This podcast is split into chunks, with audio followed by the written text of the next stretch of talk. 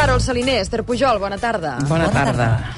Què, hem parlat ja de l'amor, després he promès que hi haurien llibres, que això és el vostre territori avui, bueno, sobretot de l'Ester, que Sí. ens vens directe de, de la Fira de Frankfurt. Com ha anat això? Molt bé, ha anat molt bé, perquè mira, eh, el 2020 no n'hi va haver, com és natural, i el 21 va ser molt descafeinada. I aquest any eh, hi havia força gent, i llavors eh, tornar-nos a trobar fa molta il·lusió, i una fira és un mercat, i llavors eh, hi ha gent que ven, compra, ve, veus idees, és com un mercat exactament eh, com els que ens imaginem d'altres coses, però que sembla que tingui més glamour perquè eh, són coses que no es veuen tant, que són llibres, no? Um, jo hem passat molt bé, hem eh, Aquí, tornat aquí a trobar... volia anar. És a dir, com ens hem d'imaginar això de la Fira de Frankfurt? Hi ha eh, reunions de negoci, és a dir, tot el dia ara un dinar per a veure ja si aquest autor me'l tradueixen aquí, no sé què, faig, ara agafo aquest altre llibre que m'agrada, o és més festa que una altra cosa? No, no. Això és perquè t'agrada tu pensar-ho. No, no. Ja pensa A que hi veure, ha... has dit que ens ho hem passat molt bé i jo Molt bé. ja m'ho Però és que també, com que ens agrada tant aquesta feina, hi ha cites de 20, o- de 20 minuts, eh? Vull dir allò, 20 minuts amb un, 20 minuts amb un altre, anar amunt i avall de pavellons diferents, on hi ha els agents literaris, hi ha els altres editors, etc fins a una hora de la tarda. I llavors és anar a sopar, que moltes vegades en el sopar sempre s'aprofita per continuar um, veient altres persones d'altres llocs i després el que té ganes, doncs s'allarga la cosa. Hi ha el Frankfurter Hof, que és un hotel d'aquests de tota la vida, que la gent acaba fent copes allà i continuant, doncs, on, on se senten moltes coses i és un moment que de manera distesa es fan més relacions. Mhm. L'altre dia veiem uh, un, un tuit amb tot d'autors de catalans no, traduïts a, a l'alemany, entre ells el Xavi Bosch. Això no ha fet més que, que pujar en els últims anys? És a dir, cada vegada hi ha més autors catalans que es tradueixen a llengües com l'alemany? N'hi ha, però mm, n'hi ha, ens agradaria que n'hi hagués més. És molt difícil. Ja m'ho imagino, Els, sí, sempre en volem més, oi? Els últims anys, la mateixa pandèmia ha fet que les editorials fossin molt conservadores a l'hora de eh, comprar llibres de fora i, i traduir-los, perquè té un risc ex- extra, perquè cada, sobre cada llibre hi ha el, el preu de la traducció. I llavors tothom ha tendit a, a diguem, a moderar-se molt.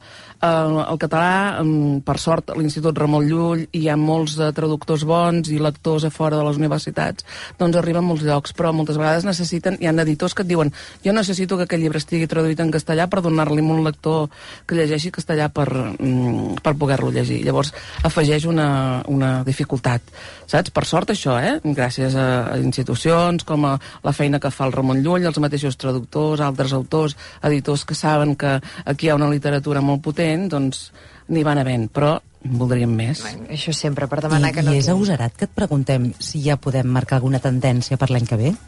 Mira, Perquè això és com qualsevol altra fira o mercat professional. Sí, sí, sí. No, mira, hi han coses que ja es, es anaven veient eh, amb altres fires, la Fira de Bologna, que és de fira infantil i juvenil, doncs que hi ha eh, moltes històries en, en les quals les protagonistes són, són femenines, no? que això és una tendència que també es veu en altres àmbits. Um, Uh, Avui tindrem, uh, per acabar el programa, l'Imma Sus, que, que ha publicat uh, aquest llibre, Les tentacions de, de l'Eva, que la gran majoria de les protagonistes bueno, són, són dones. Sí, sí, també. sí, clar, eh, totalment. Uh, diuen que ve una altra, una altra tendència, que no recordo exactament el nom que en anglès hi posen, però que és Roman Fantasy, una cosa així, Romantasy, que és uh, històries d'amor ambientades d'una manera... Vull veus com estem així? Amb un, amb un món fantàstic, també. Mhm. Sí, sí. Doncs la Fira de Frankfurt, que l'Ester ja ens ha tornat, però que dura fins, a, fins aquest diumenge. I avui el rànquing va una mica encarat a, això, al sector. Sí, és clar, com que venim de llibres allà, hi ha una cosa que serveix molt, ens serveix molt als editors i als agents literaris, que és que veiem que és tan enorme que ens posa al nostre lloc, el nostre ego ens el col·loca bé perquè som una, un gra de sorra en un oceà. I, bueno, i veus de moltes diferents, eh, això, molts diferents tipus de llibres, i per tant penses en diferents tipus de lectors. I avui Ara, ara. I Ara, avui hem ara, avui fet què, avui què? un rànquing de 10 tipus de lectors. Amb el número 10, el lector de Rodalies, que ja sabem quins calvaris passen cada dia els usuaris de Rodalies, eh? Ah, no saben a quina hora arribarà el tren, ni a quina hora arribaran a la feina, si hi haurà retards, per quan les obres, les vagues, els talls... L'únic que tenen clar és que porten a la bossa un llibre. Porten a la bossa un llibre i passi el que passi, és que el lector... L'únic consol és que el lector de Rodalies llegeix molt més que la mitjana de lectors. I a més a més, aquest tipus de lectors són admirables, perquè davant de tot un mostruari de gent amorrada a una pantalla, ells agafen, treuen un llibre i au, anar llegint. Estàs dient, estàs insinuant que els editors tenen alguna cosa a veure amb els retards de Rodalies? Mira, Esther, que no, no. ens arreglin mai Rodalies, No. perquè perdrem el negoci. M'agrada molt aquesta teoria conspiranoica. No, perquè no diguis que no són sexis. Molt, i a més a més tenen un poder total d'aïllar-se, que a mi això em, em, em, em, perquè s'han d'aïllar del turista que puja a Castelldefels, del que plega la bicicleta, del que sua, del que crida, dels que trene treballen, dels que mm, mm, parlen per telèfon com si... De la megafonia, també. Propera parada. De, Vull dir, a mi això em treu, eh, calli, de que ara ets a passar narració. pàgina. Clar. doncs, mm, I a més a més ara tenen un problema afegit que són els nous rics, gent que no paga perquè hi ha els abonaments aquests de És Rodalies. veritat, cada vegada Se'ls més omplen plens. encara més. Amb el número 9 tenim el del Kindle. Aquest Oi. és un lector pràctic, intensiu, voraç, que viatja també.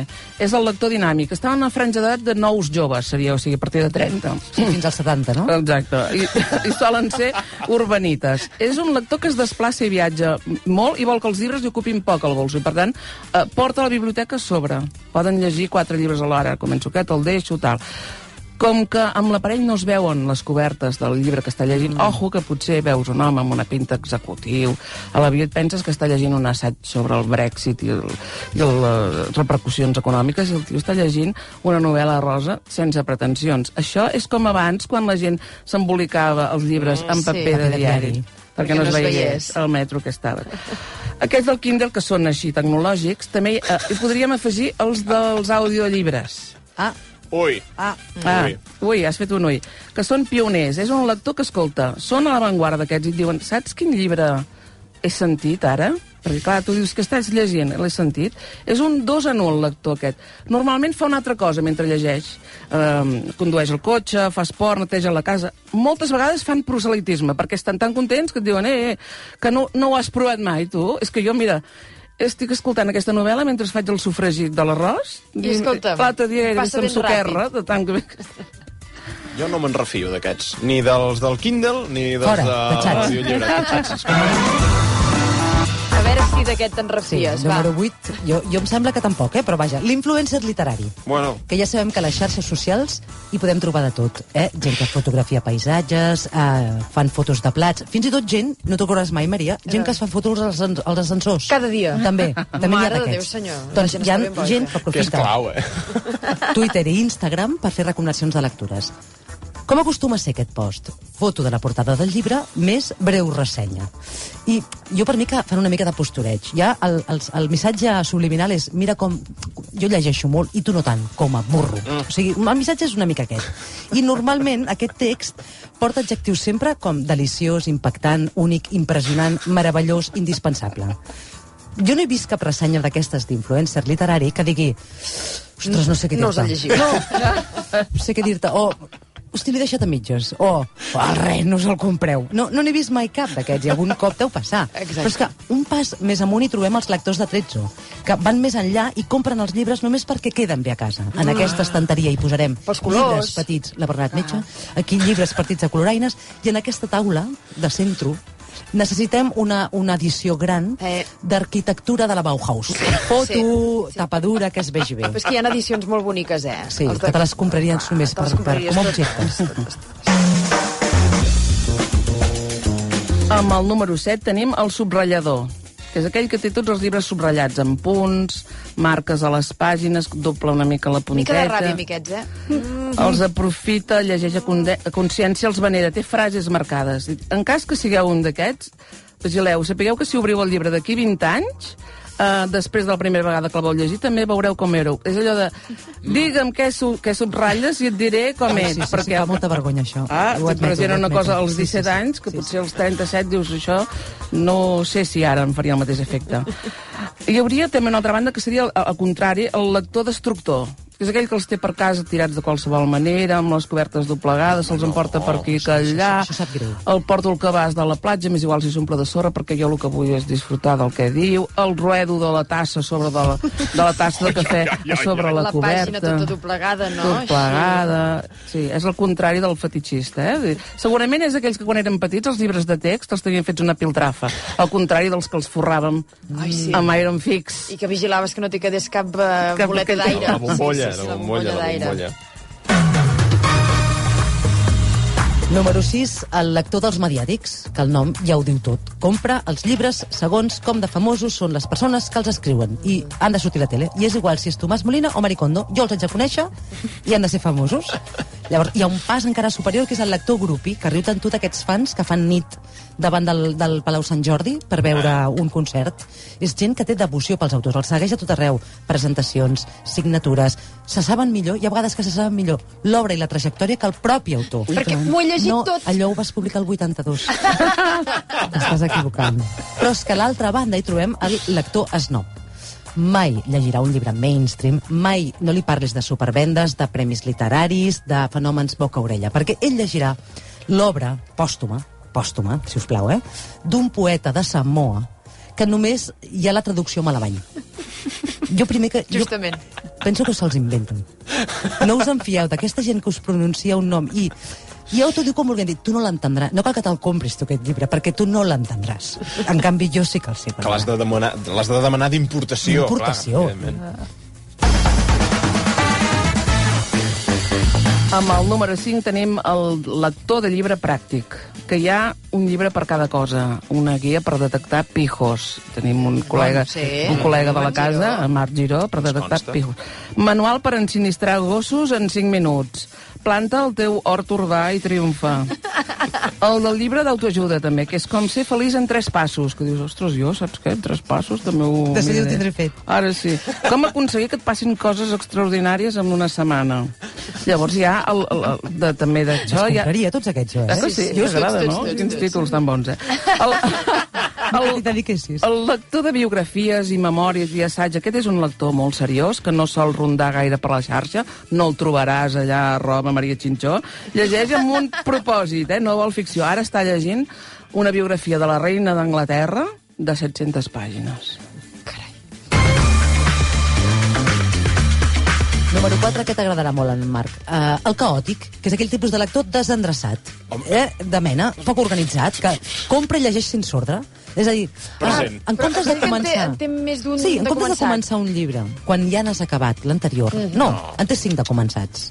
Un mm, el porta a la, a la bossa de butxaca pel metro. Després en té dos a la tauleta de nit, perquè depèn de, del vespre, doncs potser li agradarà més l'assaig o la ficció. Un altre que el té a l'apartament de la platja, per no haver d'anar amunt i avall amb la bossa, saps? I a més a més en té dos que ja se'ls guarda per vacances, perquè ja veu que allò necessita concentració. Però ja ha començat les primeres pàgines perquè...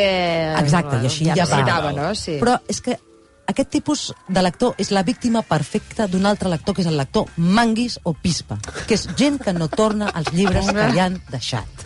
Culpable. D'acord. No! Tinc llibres que em van deixar uh, l'any 2002. O sigui, no exagero. En, de, en he de defensa del. Marc, podem dir que a vegades el lector apropiador, el, el lector que s'apropia d'una obra que no és d'un llibre que no és seu, potser és que no se'n recorda qui li ha deixat. Ah, doncs, mira, no, no, aquest... Llavors, fer un Però grup, què de, tens, un grup dos deixat... Pitus? Perquè tu l'any 2002 tenia, eh, tenies 10 però, anys. No, però llegia, recordo, uh, monòlegs de, de l'Andreu Bonafuente, dels programes, que anaven tant, traient això tant. cada any, el, el llibre de monòlegs, i, i llavors jo en tenia alguns, i, i aquests en concret li vaig demanar a una amiga del meu poble que en tenia uns altres, i, eh, i s'han quedat allà... Fes el favor de tornar-li ara mateix. és? És Júlia, si m'estàs Sí. escoltant, Júlia. doncs uh, quedem un dia, em sap greu, ara hi he pensat. La manera de lligar, mira, Júlia, si m'estàs escoltant, tinc uns llibres que et dec des de fa 20 anys. Digue'm agosarat. Anem al podi. Amb el número 3 tenim el lector de Sant Jordi, per exemple. És un presumpte lector, eh? És un protagonista ocasional de llibreries. Compra llibres només un cop l'any, com la Mona per Pasqua, o els Panellets per Tots Sants, o el Pessebre per Nadal. És com el que va a la cursa de rac un cop l'any i ja està, perquè fa ja il·lusió, fet. toca i ja Ja està. està bé. Ja queda fet. Escolta, si el llegeix bé i si no hem fet la festa, i els editors que estem contents, Ja m'hi han t'ho he de dir. Exacte, t'hi han comptat. Alerta que aquest lector és la base de la tradició i servidora està especialment agraïda, molt a favor. Ramon, quin llibre vols aquest any? Doncs aquest, saps? Hi ha el pacient, que és aquell que no, això seria un altre tipus de lector, eh? Seria el disciplinat, aquell que té un llibre que diu, hòstia, és que em fa bola, eh? He començat fa 3 mesos i passo per la pàgina 30, però no goso deixar-lo. Ai, És sí. que no goso. Deixa l'home, així, ara ja no, eh? deixa'm, Fa molta pena, eh, deixar un llibre. Sí, Sí. sap greu, sap greu, però Sí. hi ha És, moments... un, és que, una inversió vital que... les coses no- s'han de deixar, les persones, els llibres, les Sí. feines, s'ha de, de deixar. S'han de deixar les coses. El yin i el yang del, del lector de Sant Jordi seria el compulsiu, que és aquell que compra més del que pot llegir, servidora, saps? No pot evitar, va caient a la tentació i fa allò que es diu tsundoku, que és, és a dir, és una paraula en japonès, eh? però és una pila de llibres, llibres gran, gran, que es va fent gran, que dius, això és per un dia que, és que el voldré llegir, saps? No hi ha manera, no arriba mai el dia. Però també us encanten a vosaltres. Home, també ens agrada, a favor, total. Número dos, potser aquest als editors i als escriptors no els agradarà tant, que és el lector zombi. Tipus de lector que només llegeix el dit, al llit. I és un dir que llegeix. Ell arriba al llit, perquè diu a mi m'agrada tant llegir el llit, em relaxa tant. Jo tanco la tele i ja me'n vaig cap a l'habitació. I em relaxa tant, relaxa tant que no ha passat una pàgina, ja dorm, aquell pobre, aquell pobre Ramon. I l'endemà li passa com el dia de la marmota, una mena de mite de Sísif, que Hòstia, agafa el llibre pel, Ai, pel, pel punt i diu, això no recordo llegir." res jo d'això. Tiro enrere, Llavors ha de no? tornar enrere. Què passa? Que cada dia la seva lectura és exactament la mateixa.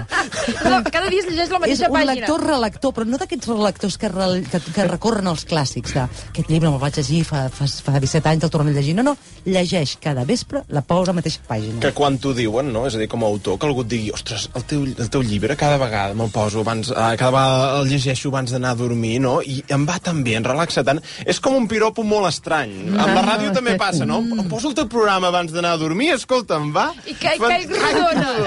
Home, a veure, Doncs escolta, si, gràcies. si algú s'està no posant... Sí. no crideu, perdó. Sí. Bona nit. Pels que ens escolten de matinada. Ara, ara ja fem l'últim No lector, eh? Ja, ja ho tenim, això, eh? Vinga. Amb el número 1 tenim el no lector. Aquest n'hi ha molts. És una espècie protegida per tot l'entorn, el que l'empenya a continuar com ara, indiferent als llibres, que els estímuls audiovisuals ja ho sabem que entretenen molt. I entretenen tant que el sentiràs a dir és que no tinc temps, saps què passa que amb Netflix no dono l'abast, em poso un capítol i llavors quan vaig a dormir saps que amb els nanos no tenim temps. N'hi ha que directament et diuen aquesta novel·la de què parleu, hi haurà pel·lícula o sèrie, no? Ja m'espero, saps? Ja m'espero. Eh, que jo també els editors els veig com una oportunitat, perquè sempre es poden enganxar. Sempre es poden enganxar. Ara, ara, així m'agrada. Doncs meravellosos aquests eh, 10 tipus de lectors i aquest no lector final que, escolta'm, si al final miren la sèrie i diu és tan bona que es volen comprar el llibre, Ara. doncs escolta'm, ja ens agradaran. I, jo tu et noto la veu tocada, això que dius que Sí. molta reunió, molta reunió. Feia més fresca, crec que hi eh? havia karaoke. Ah, no, a mi, no m'enganyes, hi havia karaoke. a Frankfurt també hi ha karaoke. Carol Saliner, Esther Pujol, moltíssimes gràcies. Bon cap de Bon cap de setmana. setmana. Cap de setmana. Ara tornem.